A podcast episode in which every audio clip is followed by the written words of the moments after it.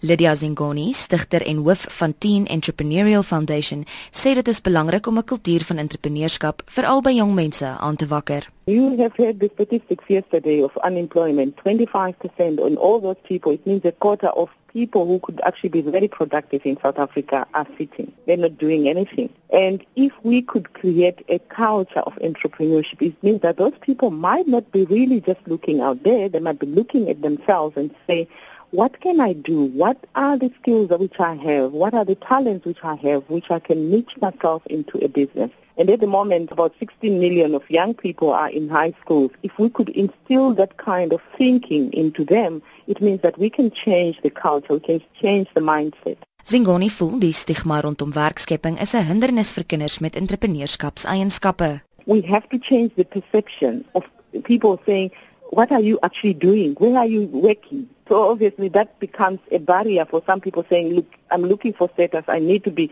in a job. Whereas in other countries, if you are actually an entrepreneur, you are more respected.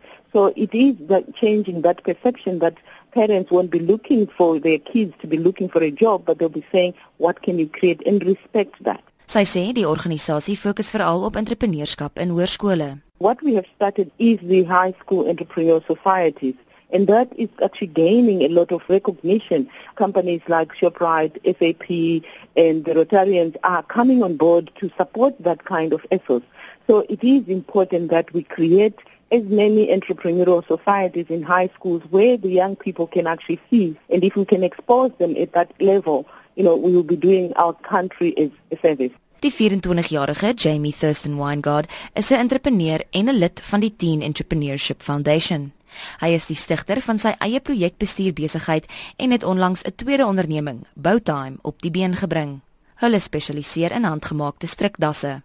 Hy sê egter dit vat tyd en harde werk. I noticed there's a lot of things that I'm able to do and instead of having to work for someone, I'll rather work for myself. Not that I don't like having a boss, because you know sometimes it's also nice having someone oversee your work it is actually much harder work, and a lot of people misunderstand when it comes to being an entrepreneur, being your own boss.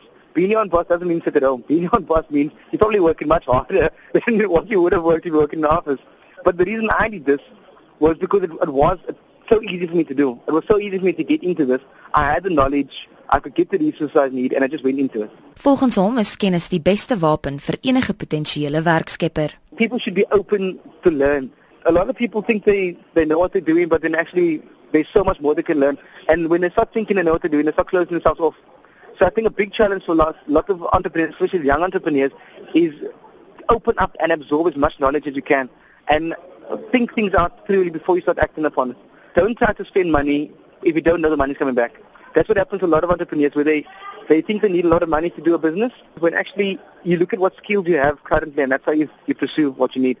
When I thought of doing the bow ties, I started the company completely with, I can say, under thousand rand, from branding to market research to product to sampling, whereas a lot of other people, because they don't plan enough, they're not able to do something like this and think they need a lot of money to get things going. A lot of people try to go big first and not know that the money's coming back. So that's a, a challenge I think a lot of entrepreneurs are facing. Verder erken Weingart dat naskoolse studies geleenthede kan skep, maar hy voel dit maak of breek nie die entrepreneur nie. You don't necessarily need a degree to generate an income. That's something I can tell you. Information is so readily available. If you have access to the internet, if you have access to people, that is where you can get information from. With the generational gap also with parents compared to the 90s kids and the parents before that, the parents feel like once you get the degree, you automatically get the job. And that's not the case. A lot of people are sitting with degrees that don't have a job. The point isn't to get your degree. The point is for you to become a holistic person where you can make yourself employable. I think a degree is a very good aid for you to actually study and practice to get involved in becoming employable and becoming entrepreneurial, but a degree is not a necessity for you to become entrepreneurial. There are millions of entrepreneurs that don't have any formal education, but they're able to do the job. Hy sê enige iemand kan leer hoe om entrepreneurs te wees.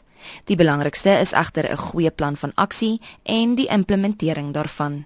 Some people are, are born in a natural way where they can naturally become entrepreneurial, but these skills can also be learned just like any other skill I believe. Some people just find have it easier to develop that skill as someone else. It might take you a bit longer to do, but you can you might even end up being better than the person to as a natural talent. If you want to do something, set out the plan and implement it. Don't be those people that say, I, I wish I could do this. It's only this and only that. If you want to do something, go ahead and do it. Find out what you need, write it down. Best thing to do is write it down, make your list, and break things up into little small goals. Look at what you need to develop it and achieve each goal. And once you have everything behind you, that big dream that you had will seem so small. Dit was die entrepreneur Jamie Thurston Weingard. Ek is Joan Marie Verhoef vir SABC nuus.